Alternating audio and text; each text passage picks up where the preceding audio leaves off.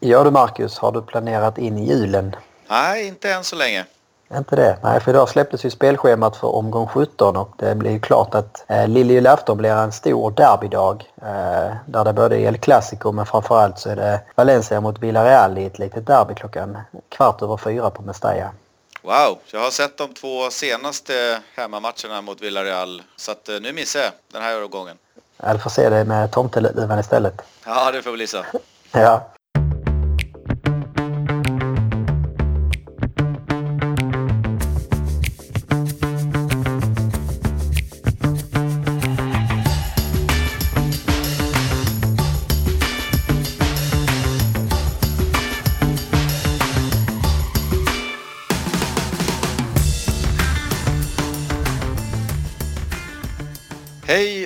Välkomna till avsnitt 7 av Valencia-podden med mig Marcus Timonen och Niklas Hermansson. Är allt bra som vanligt? Jajamän, det tycker jag. Det är svårt att klaga just nu.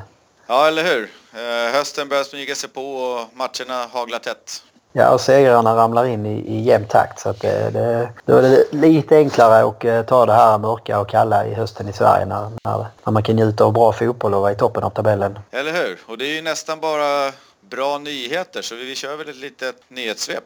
Ja, det kan vi väl göra. Vi har ju ett landslagsuppehåll som står eh, kring, kring hörnet så att säga. Eh, det är väl ingen överraskning eller nyhet för någon att Sverige ska möta Italien och en viss Simone Sasa har ju varit otroligt het i höst. Så att, eh, det återstår väl att se om han eh, blir uttagen i truppen eller inte. Eh, vad jag förstod här så var han väl registrerad så att säga för spel men ännu inte uttagen. Eh, Balotelli blev väl inte ens eh, registrerad så det tyder väl på att eh, Sasa kommer vara med i, i, i den italienska truppen. Ja, och jag uppfattar väl eh, att eh, Soler var på liknande sätt eh, registrerad för Spanien. Ja, jag förstod det med och det är kanske ett bra... Spanien spelar väl bara någon träningslandskap så att säga så det är väl ett bra tillfälle att prova lite nya spelare. Så att det känns väl... Och det är kul för Soler också för den chansen att vara med de stora grabbarna även i landslagssammanhang. Annars har det varit en del rykten. Det, det märks att det börjar närma sig ett nytt transferfönster. Det är väl en drygt eller knappt två månader kvar tills det öppnar igen. Ehm, och eh, föga eh, förvånande så är väl Guedes en av de spelarna i Valencia som det pratas högst om. Eh, nu sägs det att både Atletico och Real Madrid är intresserade av att försöka signa honom från PSG då. Han är ju bara på lån i Valencia. Så det, det känns väl som att det kan bli den här huggsexan om, om, om Guedes som vi, som vi förfarade för några avsnitt sedan. Och, det, det är väl också frågan om ens PSG kommer vilja släppa honom. Nej, och det kan ju bli svårt som vi har konstaterat för Valencia att blanda sig i det där. Ja, nej men det känns som att vi får väl... eh, Man får väl till att börja med vara nöjda med liksom att få, få ha honom en hel säsong här och eh, fortsätter han bara bidra med det han har gjort så eh, kommer han ju ändå bli ihågkommen som eh, liksom en stor spelare i Valencia-tröjan även om det bara skulle bli en säsong känns det som. Ja, det tror jag. En annan ytter som det pratas om är ju Andreas Pereira eh, där det då fanns en klausul med United att man kunde ta tillbaka honom här i vinsterfönstret om, om man om man önskade så. Eh, Och nu ryktas det ju om att eh, det kommer betydligt närmare än man kanske trodde tidigare höstas. Eh, United har fått en del skadebekymmer som gör att det mesta faktiskt just nu tyder på att Pereira kallas tillbaka till England. Ja, och Mourinho var väl lite ovillig till att släppa honom från början också så att det kan ju Ja, kanske är förståeligt. Ja, men det är väl lite så. När man har ju inte supermycket anfallare i, i eh, United. Eh, yttrar har man väl kanske mer men eh, det är väl i stort sett bara Lukaku som, som spelar där uppe centralt känns det som. Och viss. Zlatan Ibrahimovic är väl på väg tillbaka men eh, vi vet ju också att det är väldigt tajt spelschema i England här omkring december, januari där, där allt ska avgöras. Och när nu United är med i, både bra i ligaspelet och vidare i Champions League i stort sett så känns det som att man behöver ha en bred trupp och att eh, Pereira nog kan komma tillbaka och få en hel del speltid där. Ja, vi får se vad som händer. Ja. Eh, Om vi kollar på de övriga lagen i Valencia så att säga så tog ju Mestalla, eh, B-laget, eh, vann igen efter att ha spelat sex raka här nu utan en seger.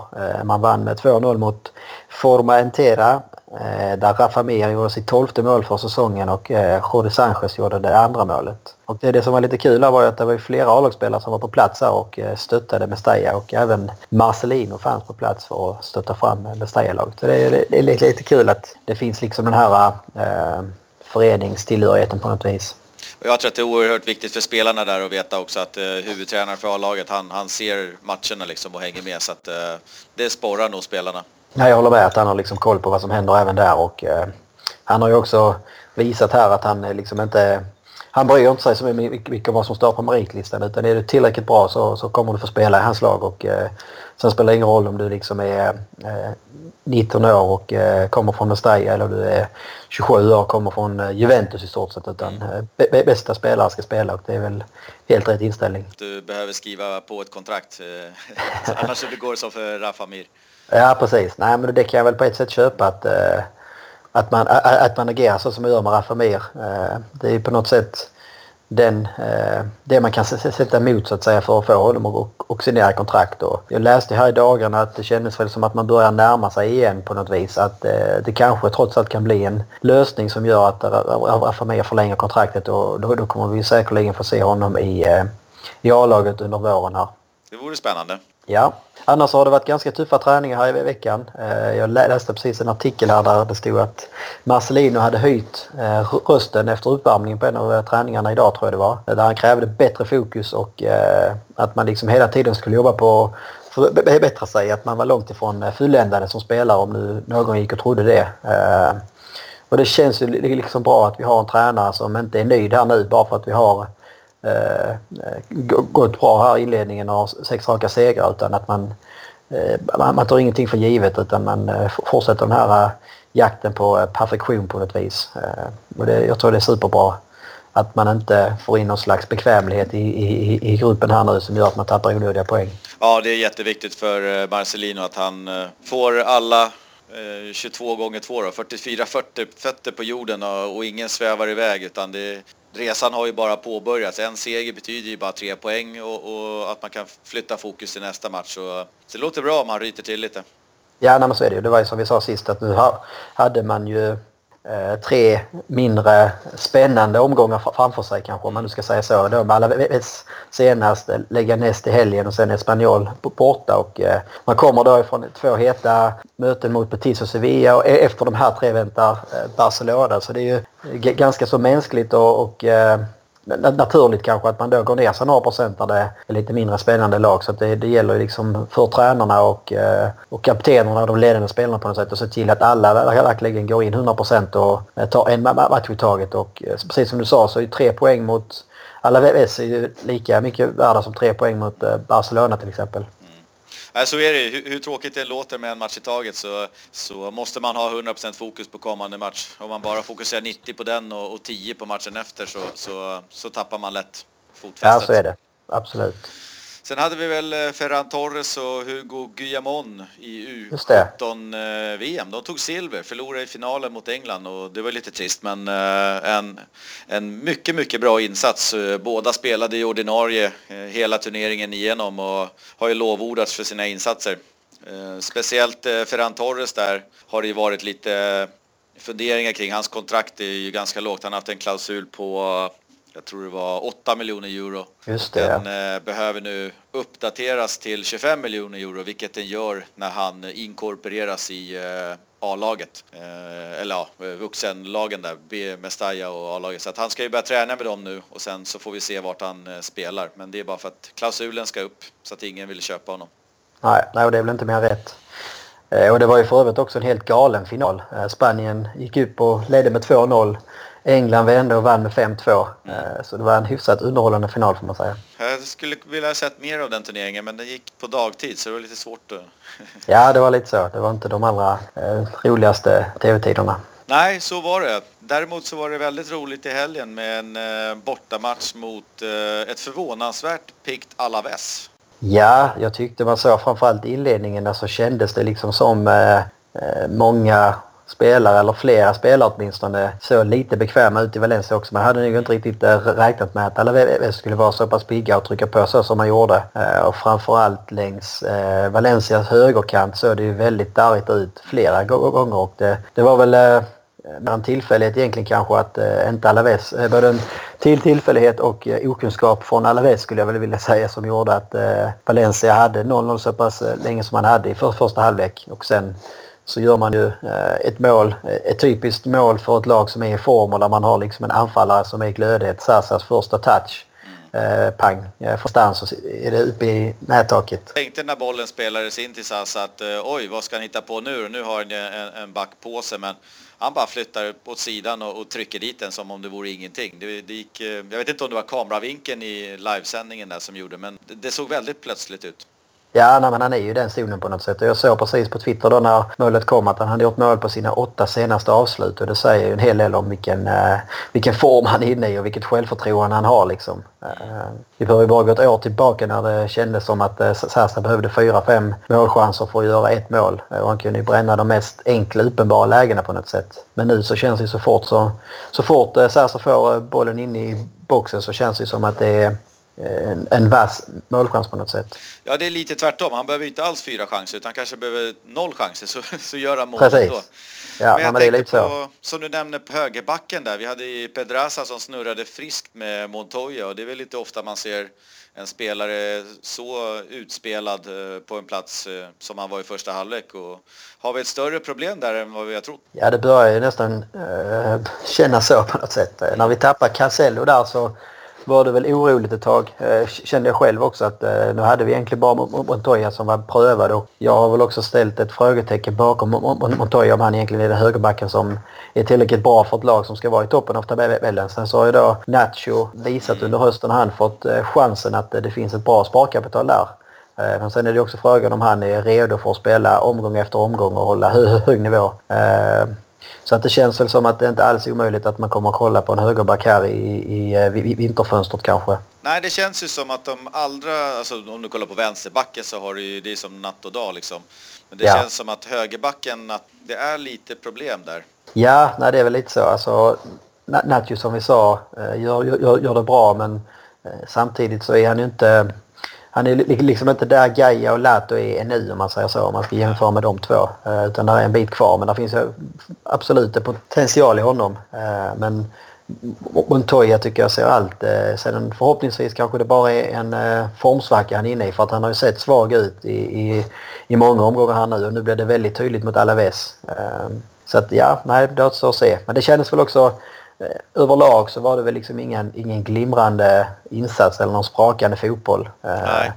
Men det är väl också på något sätt en, en styrka och ett tecken på att man kanske är ett eh, topplag och räkna med på allvar år. Att man liksom hittar sätt att vinna ändå. Mm. Även när man har en sämre dag så, så står man ändå där med tre poäng och det, i slutändan är det ju det som äh, räknas. Precis så är det och det är ju en, en styrka i sig att ta de poängen och Guedes var en sån som såg mänsklig ut bland annat. Ja, det gjorde jag håller med om. Men det känns också som att han togs ju väldigt, väldigt hårt. Och ibland så tyckte jag det var uppenbart för hårt. Men den domaren han inte riktigt får. Alltså, jag satt flera gånger och tänkte på eh, Pablo Aymar faktiskt. Eh, det var ju hans stora problem på slutet att alla hade ju koll på att man, man, skulle man stoppa Aymar så var man tvungen att ta honom väldigt, väldigt, väldigt hårt. Han fick heller aldrig riktigt den, eh, det skyddet av domarna som, som man kanske kunde kräva på något sätt. Och det kändes som att det var eh, lite grann samma med Guedes här. Han fick ju smäll efter smäll efter smäll efter smäll. Och, eh, jag vet inte, jag tycker det är tråkigt när, när den här typen av spelare ska liksom hämmas av eh, den typen av uppenbara eh, destruktiva spel på något sätt utanför regelboken. Ja, man märkte ganska tydligt att de försökte ta han tidigt innan han fick upp farten och, ja. och, stoppa han och bara få en frispark i, emot då. Eh, tänkte, tänkte de väl, men de fick inte ens det utan de fick behålla bollen till och med. Så det var ja, precis. tveksam domarinsats. Ja, väldigt tveksam. Alltså det är ju, när en domare ser att det är så att det är så uppenbart att eh, det andra laget är ute efter att stoppa en spelare så behöver han liksom tidigt ta en, en eh, kanske då en, en, enkel varning om man nu säger så. Men för liksom ty tydligt eh, visa att jag ser vad ni håller på med här och det är inte okej. Okay.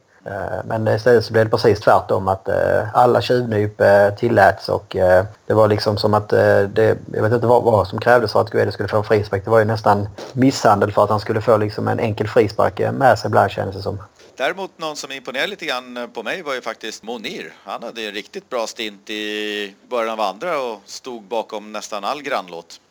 Ja, tyvärr så var det så.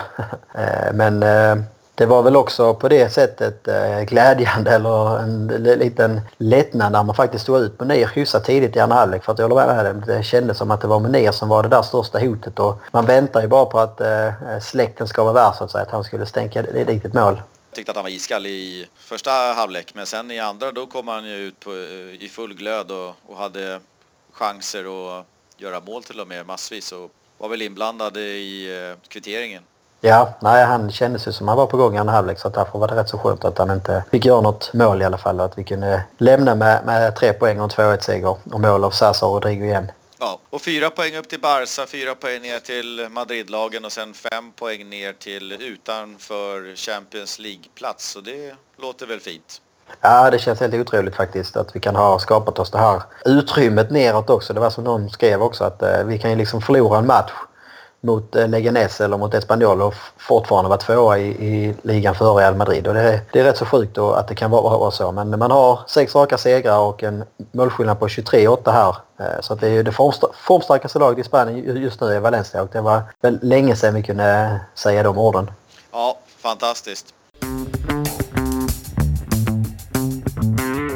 Sådär, då har det blivit dags för Hermans trippel igen. Eh, vad har vi den här gången? Ja, den här gången så har vi en liten oväntad eller ovanlig trippel kanske man kan säga. Vi har ju eh, pratat om favoritspelare och favorittränare och eh, sådana här saker. Och nu är det eh, rubriken på den här trippeln faktiskt spelare i Valencia som eh, man eller så då i det här fallet jag har haft lite svårt att eh, gilla faktiskt. Okej, det här ska bli spännande.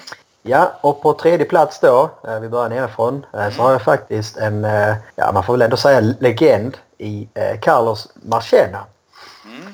Och det kan ju tyckas något oväntat kanske. Och jag kan väl heller inte riktigt säga kanske att jag avskydde honom på samma sätt som, som ettan och tvåan här i denna listan. Men jag har heller aldrig riktigt haft den kärleken till Marchena som jag tror att kanske många andra valencianer har haft. Eh, jag tyckte att eh, han var en ganska så begränsad spelare. Eh, han hade mycket skit och griseri för sig och i hans fall så kände i alla fall aldrig jag att det var sånt här typiskt vinnarskallegrej som kanske jag upplevde med att Albella gjorde och så här. Utan med Marchena så tyckte jag att det oftast var mest onödigt och provocerande och att det, det renderade i de flesta fall till många onödiga gula kort och utvisningar som satte laget i en dålig sits. Eh, så man har aldrig riktigt eh, känt någon, någon stor kärlek till även om man spenderade många år i Valencia och var ju med och vann flera titlar. Ja, måste väl ha varit uppemot tio år i klubben. Ja, det var säkert något sånt. Eh, han hade ju alltså, det var väl också tecken på att han var lite begränsad spelare. Han spelade ju både Eh, mittback och han spelade de, de, de defensiv inomhittfältare men var väl aldrig helt bofast någon, någon, någon längre period på det sättet. Han hoppades ju, hoppade ut och in och fick spela där det behövdes på något sätt. Eh, om vi går vidare till plats nummer två så är det en spelare som vi pratat lite grann om redan och det är Monir. Och det är väl dels hans bakgrund då som är ganska så eh, tydlig Barcelona-profil om man säger så för detta Barca-spelare. Eh, och jag fick väl känslan av att Monir egentligen aldrig riktigt ville vara i Valencia utan han hamnade där och eh, det var liksom över hans vilja e-, egentligen. Så jag kände att Monir spelar ju verkligen aldrig för laget utan alltid för jaget.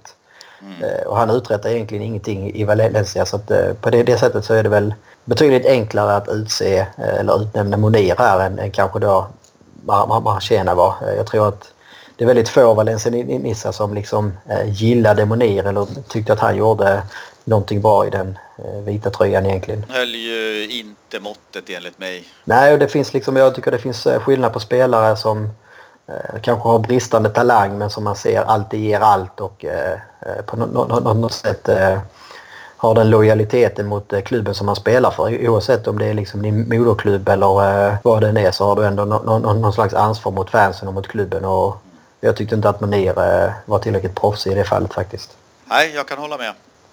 Om vi går vidare till plats nummer ett så har jag en fransman här och det är ingen mindre än Adil Rami. Eh, I mina ögon var väl Rami i Valencia en ganska så typisk loj fransman eh, som mm. verkade tro väldigt högt om sig själv. Han såg ofta väldigt tung och överviktig ut och gnällde ofta på sina lagkamrater. Och, eh, nej, men det kändes som att han, han levde i sin egen värld där han var för bra för att spela i Valencia egentligen. Och, hans, hela hans kroppsspråk på något sätt uttalar det. Och sen är det, hänger väl en hel del ihop också med sättet som han sen lämnade där han då i media skällde ut eh, tränare Djukic och han snackade skit om det, andra spelare i truppen. Att han tyckte att många spelare i truppen inte var tillräckligt motiverade på träningarna och så här. Och, eh, nej, jag tyckte att det var en extremt överskattad spelare. Ja, det var ingen favorit till mig heller. Nej, dock så får man väl ändå säga att han har fått en viss revansch kanske så här på eh, senare dagar när han då är tillsammans med Pamela Anderson. Sådär ja. Så det var mina tre. Har du någon spelare sådär spontant som du har haft lite svårare att eh, älska i Valencia? Ja, det har jag faktiskt. Jag, eh, vi minns ju alla David Villa eh, och hans tid när han gjorde mål och när han försvann så tog ju Roberto Soldado över och, och fortsatte fabricera mål i tre säsonger. Men när Roberto Soldado sen såldes sommaren 2013 då hoppades man ju på nästa stora anfallare och då passade man på att värva Elder på Stiga som jag har eh, både före Valencia-tiden när han spelade i portugisiska landslaget i olika eh, VM och EM-turneringar. Ja, jättesvårt för den eh, spelartypen. Jag tyckte han var slö och filmade mycket och, och jag tyckte inte han bidrog med någonting. Nej, och det är väl också märkligt på något sätt hur, eh, hur pass dåliga Portugal har varit att få fram den här centrala anfallaren. De har ju varit extremt bra att få fram duktiga offensiva spelare men just en central anfallare känns allt, som att det alltid är deras svagaste kort. Ja, och jag, jag, när de sa att det skulle bli äldre på Stiga, jag bara skakade på huvudet och sen satt man ju nästan och hoppades att det skulle gå dåligt för honom så att han skulle försvinna. Och jag vet att han gjorde ett par mål mot Barcelona som var lite snygga. Ja, ja. Så, men nej, nej han, han lyfte jag med in på listan. Ja, nej, men det är väl en spelare som jag kan skriva under på var, var, var svår att tycka om kanske. Eh, jag hade även med en del andra bubblare. Eh, mm. Kollar man de senaste säsongerna så är det väl inte särskilt svårt att hitta många spelare. Bara rent spontant spelare som Negredo, Nani, Enzo Perez och Abdenor är väl, är väl spelare som eh, kom liksom eh, både höga förväntningar kanske men även höga prislappar och lönecheckar men inte alls presterade eller visade någon slags eh, vilja eller inställning heller. Eh, en annan spelare som, som jag eh, hade lite svårt för var faktiskt Roberto Soldado. Okay. Även om det liksom var en spelare som gjorde väldigt mycket mål för Valencia och väldigt mycket gott för klubben när han var spelare där. Han var kapten och, och det, är väl, det är väl också kanske en spelare som jag, jag inte kan säga att jag avskydde men jag hade väldigt svårt att ta till mig honom eller älska honom på samma sätt som då David Villa eller Mista eller till och med Morientes och Adoris och Jonas hade jag liksom enklare att ta till mig på något sätt. Det var något med Solados utstrålning som inte riktigt eh, jag föll för. Nej, sen så är det väl att han spelar Villarreal och sånt där. Jag kan tänka mig att eh, för, min del så har nog hans eh, eftermäle efter Valencia-tiden eh, överskuggat lite det han gjorde i Valencia. Ja, absolut. Han ja. sprutade ju in mål och då kommer jag ihåg att eh, jag höll honom högt, högt rankad. Ja, nej, det är väl så. Det är väl en del grejer som har hänt efter han lämnade precis som du säger. Det, är väl samma med en sån spelare som till exempel Jordi Alba som eh, mm. man, idag, man idag nästan skäms för att han har fått bära Valencia-tröjan. Eh, men det hänger väl också främst ihop med liksom den spelaren och personen som han har blivit efter han lämnade klubben. Ja, absolut. Jag håller med fullständigt. Sen eh, ska vi väl stänga ihop den med Carlos Marchena, Monir, Adil Rami och sen får vi ändå slänga in Elder på Stiga och då kanske Roberto Soldado och lite bubblare där då. Ja, det tycker jag låter helt okej. Ja. Sen hade vi även från förra veckan en eh, tävling. Just det. det var väldigt glädjande att det var flera som hörde av sig både med bilder och eh, sköna berättelser om eh, matcher som man hade sett. Så det var riktigt kul. Vi har väl tagit fram tre stycken finalister. Just det. Och då har vi tagit Lasse som såg matchen mot Betis. Tyvärr blev det en eh, förlust. Sen har vi Sammy, han såg eh, matchen mot Real, en vinst. Och sen har vi Alex som kollade på en match mot eh, Gent. Där var det en seger med hela 7-0. Och vem har vi som vinnare? Ja, vinnaren är då trumvirvel, trumvirvel, trumvirvel, Lasse Pop. Sådär ja. Motiveringen lyder då. Eh, han upplevde ett underläge 2-0 som blev vändning till 2-2 och säkerligen total eufori på Mestalla. För att i slutsekunderna återigen tappade och förlorade med 3-2. Och jag kan ju tänka mig att eh, Lasse då under, under, under bara den här enstaka matchen så att säga fick uppleva hela Mestallas register. Eh, med allt ifrån eufori till näsdukar och burop. Eh, så att det kändes som eh, Samtidigt en väldigt symptomatisk match för hur det sett ut för Valencia de, de senaste åren. Mm. Så vi säger grattis eh, till eh, en halsduk här Lasse som du kanske kan ha med dig nu när han ska ner igen och kolla på en förmodad seriefinal mot Barcelona här om någon vecka. Ja, vad härligt. Grattis Lasse och hör av dig till oss på någon typ av private message eller någonting. Vi behöver en adress.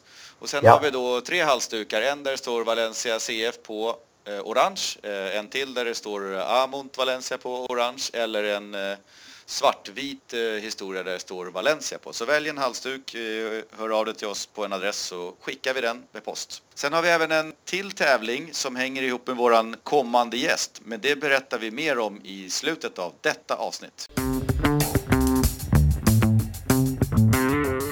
Då har det blivit dags för vår kära lilla Pandoras ask som gör en comeback efter två timmar utanför truppen. Men den här gången tänkte vi i alla fall öppna den och hade vi vetat att det låg en eh, hög eh, gamla matchtröjor där i så hade vi kanske öppnat upp den redan förra veckan och slängt in allt i tvättmaskinen. Men eh, vi tänkte i alla fall prata om Valencias matchtröjor från 1990 och fram till idag. Vad säger du? Ja, det låter mycket spännande. Det känns som det kan vara ett väldigt eh, hett ämne med väldigt eh, vitt skilda åsikter. Ja, vi vill prata lite om de snyggaste tröjorna, eh, de fulaste tröjorna, hur dagens tröja står sig, lite sponsortryck, lite tillverkare och lite allmänna pengar kring matchtröjan. Så vi dundrar väl igång. Det tycker jag. Vi bestämde oss för att ta ut två stycken favoritmatchtröjor var och det här inser jag ju är alltid väldigt individuellt. Det beror väl lite på kanske när man när man har sett matcher, vilka favoritspelare man hade och vilka tidsepoker man eh, gillar bäst. Ja. Jag har i alla fall valt två stycken. Eh, vi börjar med tvåan och det är det hemmastället från 2004-2005 eh, med Nike. En Nike-tröja med Toyota-reklam. Det är ju en sån här, det känns ju som det känns ju ligaguld och det känns ju framgångar så fort man ser Toyota-reklamen på, en, på bröstet på en spelare. Ja, nej, jag håller med dig. De, de, de, de gillar jag också faktiskt. De var fina. Ja, det är två stycken smala eh, orangea streck på, på framsidan och ett stort Toyota-märke där. Man, man ser ju framför sig eh, Aymar och andra som springer runt i den här tröjan. Sen på första platsen så tog jag faktiskt en tröja som jag själv köpte där nere 2009-2010. Kappa som jag tycker alltid gör snygga tröjor. Det är med den gröna Unibet-loggan. Helvit med lite, lite svart på kragen och sen kappamärkena på axlarna. Det fanns ju lite olika varianter av eh, kappa-tröjan. Men just den som är nästintill helvit, den gillade jag.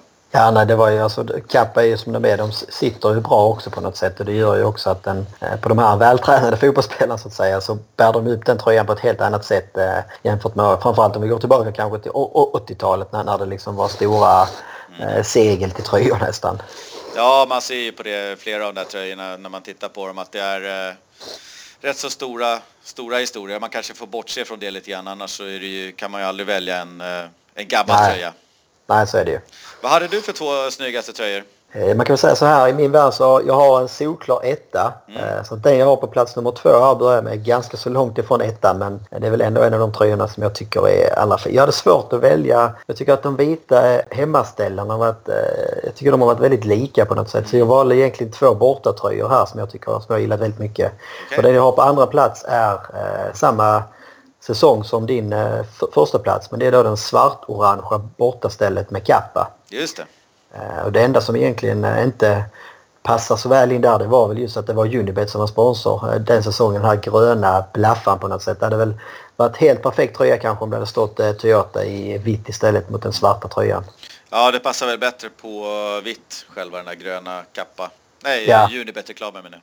Ja, det är väl lite så. Det, blir, det tar över för mycket på det svarta på något sätt. Eh, och på min första plats, eh, och det hänger väl ihop en hel del med att eh, man hade den här tröjan den säsongen som vi bodde nere i Valencia och det gick väldigt bra. Och det är den helorangea Nike-tröjan med Toyota som reklampelare. Just det. Jag vet inte riktigt, jag är, jag är väldigt förtjust i den här, i det orangea i Valencias tröjor. Jag tyckte att den, den är den absolut snyggaste bortatröjan som man har haft. Ja, det tycker jag också. Det, då var det ju samma årtal på båda tröjorna. Ja, det blev det. Lite märkligt eh, sammanträffande. Ja, jag håller med. Den orangea tillbaks med den. Jag gillar i och för sig den där gul, röd, blå. Eh, den är ju lite lokal eh, förankring och sådär. Men jag tycker ändå det, det orangea borde få ta lite mer plats nu i Valencias eh, matchtröja. Register. Ja, jag tycker det också. Jag tycker det var länge sedan som man körde en eh, helorange ställ så att säga. Det har varit en del eh, flörtande med orange i de svarta. Det har varit en del svarta även efter eh, Kappas men eh, det var länge sedan det var helorange. Det hade varit coolt att se igen tycker jag. Ja. Vad har du för uh, minst favorittröja? Den fulaste?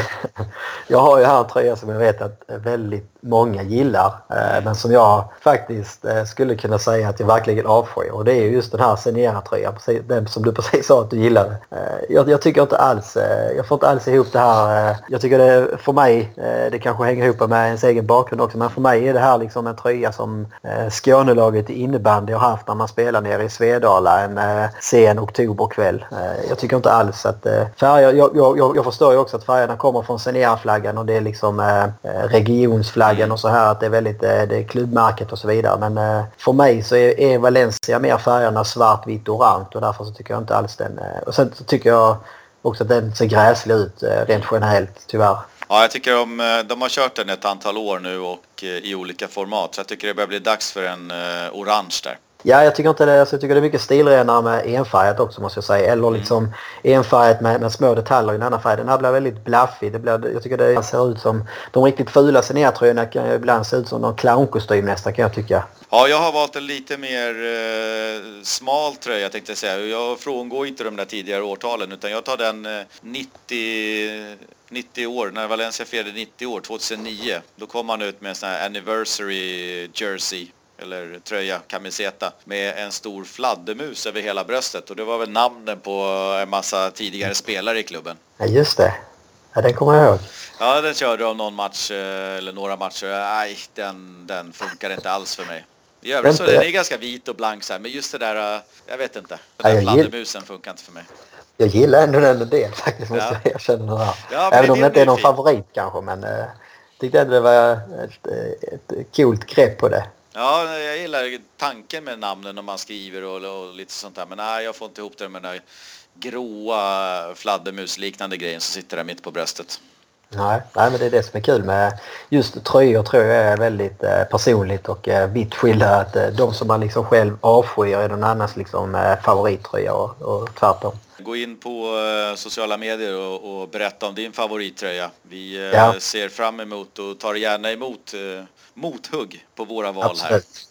Och det är väl någon bubblare som jag skulle vilja slänga in här i sleven just på, på fulaste tröjor. Det är väl, man har ju haft ibland borta de här blåa bortatröjorna som jag mm. också inte alls eh, förstår riktigt. Alltså jag, jag gillar ju mer när en liksom klubb håller sig till ett fåtal färger och sen så är det de som man, man, man köper. Om det nu är vitt och svart eller vitt och orange eller vad, vad, vad det är. Men då, då ska man liksom helt plötsligt blanda in blått och det är, väl, det är väl den här inflationen som vi sett överlag i fotbollsvärlden att man ska eh, sälja fler tröjor så man ska liksom ha, eh, du ska liksom varje år behöva köpa en ny tröja för bortastället förändras eh, varje år men samtidigt så tappar man ju någon, någon slags identitet på något vis. Ja, och det var väl i början, mitten av 2000-talet man körde med det. Jag tycker den färgen eh, har egentligen ingenting med Valencia att göra heller så att, eh, nej, jag nej, håller med. Nej, precis.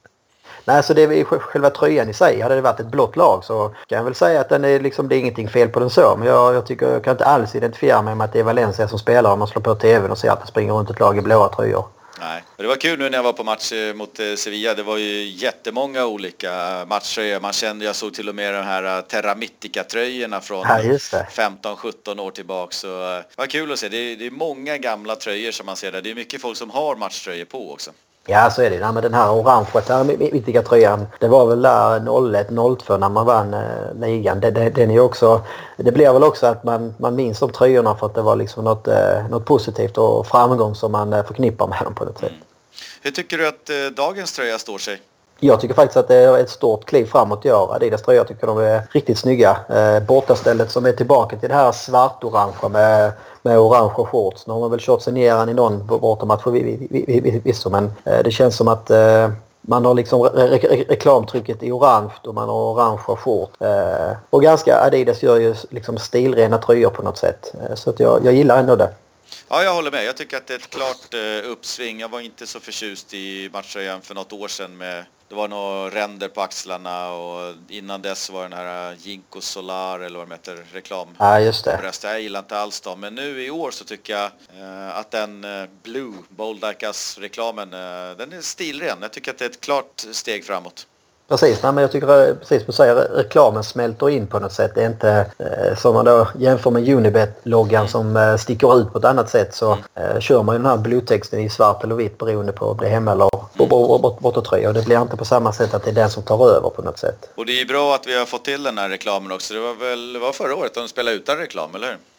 Ja, det, ja precis. Det, om det nu beror, vad det nu berodde på, det fanns väl eh, tusen olika teorier om det. Men det, det är ju helt klart e-, ekonomiskt sett är eh, fördelaktigt och eh, Blue betalar väl eh, hyfsat bra för att få synas på Valencias tröjor. Ja, 3,2 miljoner euro per säsong och kontraktet är skrivet på 1 plus 1. Jag tror de, jag känner inte till det här Blue överhuvudtaget. De bygger och säljer tydligen olåsta smartphones. Jag vet inte hur stor marknaden i Sverige är för sånt, men de vill väl tydligen in på den europeiska marknaden och ser i Valencia sin chans att sponsra dem i två år så får vi se om de är kvar. Ja, nej, och det är väl också för, eh, för Valencias del så har man väl liksom de senaste åren inte gjort superbra reklam för sig själv så att eh, då tappar man ju också eh, större kontrakt och större bolag om man jämför med, med Toyota till exempel. Eh, så att eh, kan man nu, eh, det hänger ihop med det men där syns man i, i, Europa och man förknippas med framgång så är det också större företag som är betal, beredda att betala mer. Så att, därför är det kanske bra också att man inte har liksom ett femårskontrakt här med Blue utan att det är skrivet på 1 plus 1 där jag har förstått så kan båda parterna hoppa av efter ett år om man önskar det. Mm. Sen har vi Adidas då, de pröjsar ju vad jag förstår cirka 9 miljoner euro. Man hade ju dealat upp det där från 7 miljoner eh, nu när man klev på kontraktet med dem efter Joma som är någon typ av spansk klädtillverkare.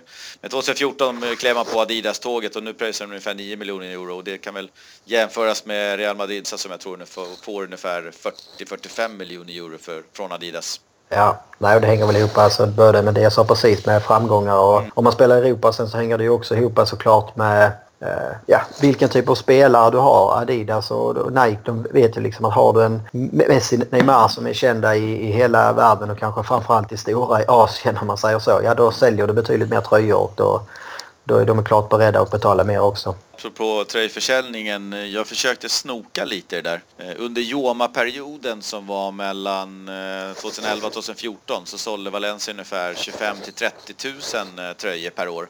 Jag hoppas väl och tror att det har ökat nu. Men man kan ju då jämföra med Real och Barca som säljer över 2 miljoner varje år och Atletico Madrid på, på en halv miljon ungefär. Ja, det känns extremt lite om Valencia ligger bara på eh, 30 000 och eh, Atletico Madrid eh, ligger på 500 000. Att Real och Barca är så pass överlägsna är väl inte så förvånande för det är ju mer de klassiska turiststäder och de lagen där om man säger så. Och de är liksom stora i Asien och på andra marknader.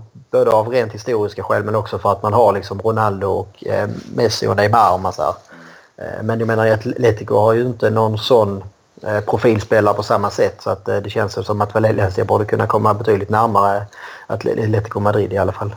Ja, det vore ju skönt att komma ut i Champions League. Jag har varit runt lite i Spanien de senaste åren och då brukar man ju ofta titta in på den här Corte Ingles, stora varuhuset som finns överallt och det, det, är nästan bara i ja, Alicante, Valencia och, och i det, det området som det finns Valencia-tröjor eller Eh, lika mycket i alla fall som Real och Barca. Om du tittar i Madrid eller Barcelona eller någon Sevilla kanske så, så är det är knappt några Valencia-tröjor där, men det finns Atletico och det finns eh, Athletic Club de Bilbao och, och Real ja. Barca i alla butiker överallt. Så att de har nog tappat lite där. Vi får hoppas att det blir en ökning på tröjförsäljningen. Ja, nej, men det känns som att det bara kan gå på rätt håll nu när man har fått en tröja med Adidas som kanske också för, för supportrar och ungdomar kanske tycker det är lite roligare att köpa en Adidas-tröja än att köpa en Joma-tröja och då med framgångarna som kommer eh, med, med laget med det så förhoppningsvis så kan vi eh, se en fördubbling eller en rejäl ökning där. Ja, det hoppas vi verkligen på. Ja, det var kul att titta ner och kika lite på gamla matchtröjor. Det är ju alltid kul att minnas tillbaks hur de såg ut och vilka favoritspelare som bar dem och sådär. Men eh, vi tar och petar igen locket på Pandoras ask och så får vi se när den dyker upp nästa gång.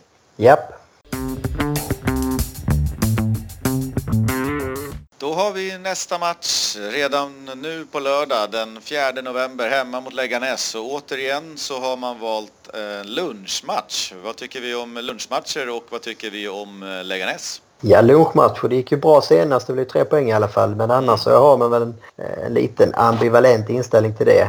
Å ena sidan så kan det ju vara kanske skönt. Är ingen annan fotbollsmatch som krockar vid den tiden. Det är väl någon Premier League-match kanske men eh, samtidigt så ibland så är det, det är lite så här. Det är ingen vanlig fotbollstid så det är Nej. inte det att eh, man liksom går och just det nu är det fotbollsmatch utan det är, det är nästan mer att man, man får ställa ett larm för att komma ihåg att man ska eh, sätta sig vid TV klockan ett eller lördag.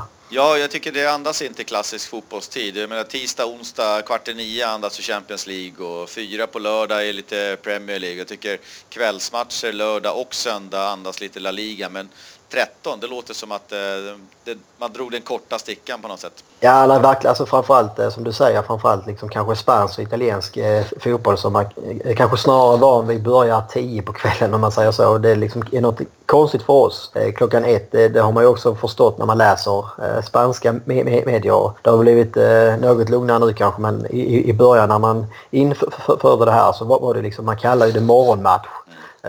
Mm när man skulle spela klockan eh, 13. Men eh, allting hänger väl ihop med, med tv-pengar så att säga och med eh, Asien. Att de liksom ska kunna ha en match som är på någorlunda eh, normal kvällstid där. Mm. Jag har Leganes också. Man får väl nästan kalla dem för eh, årets överraskning. Eh, målsnålt lag. Gjort 9, släppt in 5 på 10 matcher och 17 poäng. Det, det blir en tuff nöt. Ja, det är precis som du säger. Det är väl höstens stora överraskning. Om man, om man bortser från eh, Valencia kanske så var det väl ingen som hade trott att eh, Leganes skulle vara på över halvan. Eh, man har gjort det med en väldigt, precis som du var inne på, enkel och kanske lite primitiv fotboll. Man släpper in få mål bakåt och då behöver man inte göra så många framåt. Så att, nej, det kan bli tufft. Man kommer ju nu senast ifrån en förlust mot Sevilla med 2-1. Så att Kanske så har Valencia den lilla flyten som vi har sett eh, innan i år också att man, man, man stöter på lagen när deras formkurva har börjat vända så att säga och eh, blir ett, då ett mer eh, tacksamt byte. Mm. Innan dess hade de en seger mot Valladolid i Copa del Rey så vi får hoppas att flytet håller i sig för oss, att vi möter lagen när de är lite på nedgång. Ja precis, man får väl hoppas också att eh, Valencia har ju levt mycket här i inledningen på, eh, på sina omställningar. Eh, mm. Nu möter man ett eh, Leganes som har varit eh, defensivt starka och eh, ett ganska så lågt spelande lag så att det blir ju också en nöt att knäcka för Marcelino här om man ska kunna luckra upp det här laget som då gärna vill spela ungefär så som Valencia har spelat ibland. Ligga tajt i försvaret och sen, sen ställa om så att säga.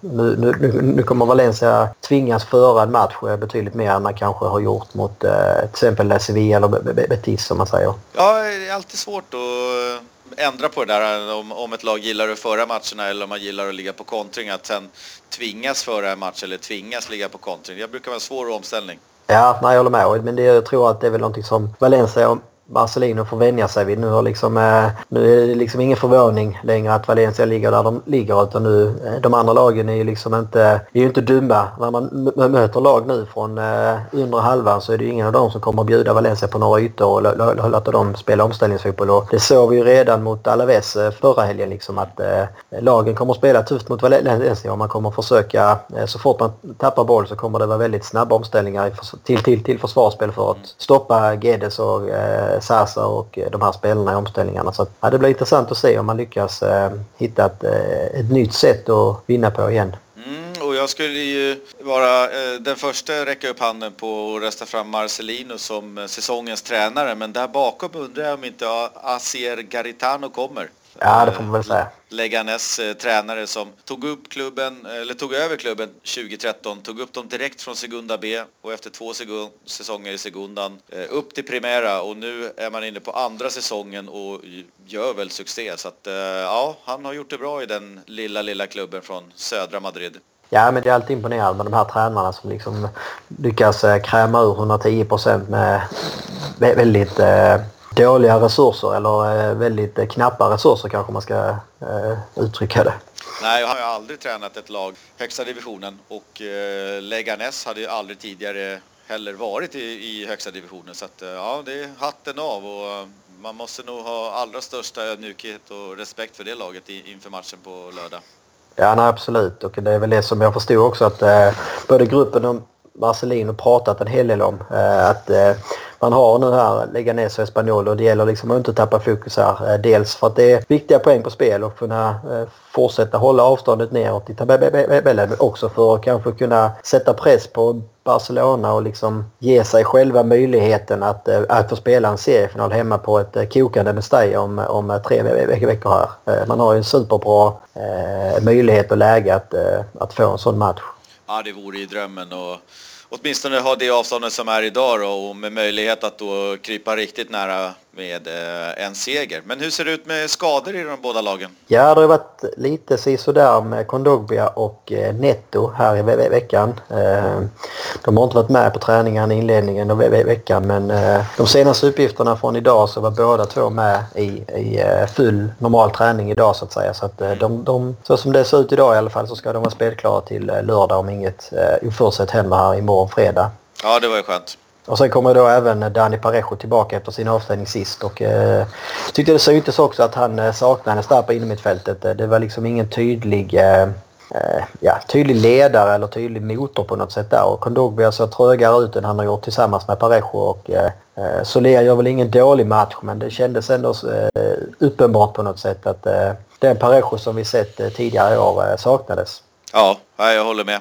Vad hade vi några skador i Leganes? Ja, man har ju Nordin Amrabat som eh, ser ut att saknas till helgen. Den här offensiva eh, innermittfältaren som brukar ligga precis bakom anfallaren. Eh, det har väl varit en spelare som, eh, som har delat många när det kommer till åsikten om hur, huruvida han är en bra spelare eller inte. Eh, jag har hört både liksom, eh, åsikter som säger att han är en av de, de sämsta en av de sämsta bra spelarna som har spelat i, i, i ligan eh, och andra menar att han eh, har varit en av de eh, starkast bidragande orsakerna till eh, Leganes succé. Eh, så att oavsett vad så kanske det är positivt för Valencia att vi slipper honom i helgen. Ja, vet du vilken mer spelare vi slipper? Mm, nej. Leganes eh, kändaste spelare genom tiderna, Samuel Eto'o gjorde där faktiskt en säsong när han var Jaså. utlånad 97-98 från Oj, Real Madrid. Ja. Men han eh, slipper vi den här gången. Ja, det kanske, det kanske nu, nu kanske han inte vore något större hot visserligen. Nej, så är det. Eh, ska vi kika vidare mot eh, scorecasten? Just det. Där eh, ryckte du nu. åt en ledning nu, eller drygade ut den. Ja, det var skönt när man fick se att Sasa äntligen kunde sätta första kassen. Mm, det kan jag tänka mig. Jag, jag blev också glad. Eh, jag hade Rodrigo och 2-0 och du hade Sasa och 3-0 så du får ju en poäng för rätt tipstecken och en poäng för Sasa och jag får en poäng för rätt tipstecken. Så det är 6-3 till dig. Vad eh, slänger du in för scorecast mot eh, Leganes? Kollar vi på Leganes målskillnad eh, så borde det bli målsnålt. Kollar vi på Valencia så borde det bli målkalas. Så att jag tyckte det var en ganska svår match att eh, fundera på hur många mål det ska bli egentligen. Jag, jag börjar ju alltid med att eh, fråga mig vinner vi eller inte och den här gången så är jag 100% säker på att vi vinner. Eh, jag tror dock att det blir eh, en, en, en 2-0 seger. Kanske att vi har 1-0 och 2-0 kommer sista kvarten på en omställning när Leganes trycker upp. Okej, okay. vi skriver 2-0. Och vem och blir första målet? jag tror att Guedes gör båda faktiskt. Då skriver vi Guedes där. Jag eh, går på något liknande. Jag tippar på 1-0 och sen att eh, Parejo gör mål, kanske på en eh, sen straff i matchen. Ja, jag har haft den innan att eh, det är dags för Parejo att kliva fram i, eh, i poängligan om man säger. Han har väl varken dragit in någon straff eller frispark än så länge här. Men vi får väl se om, om han fortfarande är straffskytt. Rodrigo var ju väldigt säker från straffpunkten sist. Ja, det var kul att se Rodrigo. Eh, tveka inte en sekund, det är jag som är kapten nu, det är jag som tar straffen och så går han in och stänker dit den. Eh, ja, det var kul att se. Ja, nej, verkligen. Det var ett viktigt läge också och viktiga poäng på spel. Eh, så att, eh, och precis som du säger så ser man ju också där att Rodrigo eh, är en helt annan spelare i år jämfört med de, de, de senaste åren vi sett honom i Valencia. Både över självförtroende och den här pondusen och allting. Så nu, nu, nu, får vi ju se en Rodrigo som, som liksom visar hela sitt register på något sätt. Mm. Så är det. Vi kan väl gå över på den tidigare nämnda tävlingen som vi lovade att eh, vi skulle prata om nu i slutet av sändningen. Eh, vill du berätta lite mer om eh, vem gästen är och vad tävlingen går ut på? Absolut. Vi har ju ingen mindre än den absolut största svenska legendaren i Valencia någonsin. Även VM-bronsmedaljör. Då förstår ni alla att vi pratar om Jocke Björklund som Jajamän gästar oss. Och det, det, ser vi väldigt mycket fram emot och är väldigt eh, glada och stolta för att Jocke vill vara med och eh, sura om Valencia med oss. Ja, det ska bli otroligt kul. Ja, det känns som det. Vi hade väl kunnat eh, sitta och prata Valencia och eh, fotboll i allmänhet med honom i hur många dagar som helst. Men eh, nu är det ju tyvärr begränsad tid.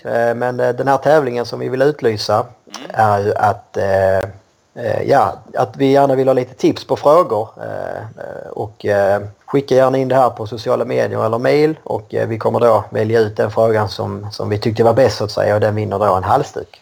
Ja, vad härligt. Och vi hade ju som självklart för avsikt att ta med många av frågorna som ni skickar in till oss till Jocke. Vi får ju se hur länge han orkar sitta och babbla med oss. Men eh, åtminstone vinnarfrågan, eh, men eh, säkert flera, flera andra av er frågar. Så har ni någonting som ni skulle vilja fråga Jocke, passa på. Eh, bättre Absolut. chans än så här får ni inte. Nej, nej, det känns lite så. Det är ju, det är ju en, en spelare och person som man inte läser eller ser så mycket om i olika medier. Så därför känns det ju ännu mer exklusivt att liksom eh, få chansen att surra med honom. Ja, sådär. Om allt går som det ska. Jocke Björklund i nästa avsnitt eh, nästa vecka. In och skriv frågor till oss, eller till Jocke rättare sagt, på Facebook, Twitter och Instagram. Och där kan ni ju såklart också skicka in eh, era snyggaste och fulaste förslag på tröjor och eh, lite vad ni tycker om eh, våra förslag till tröjor.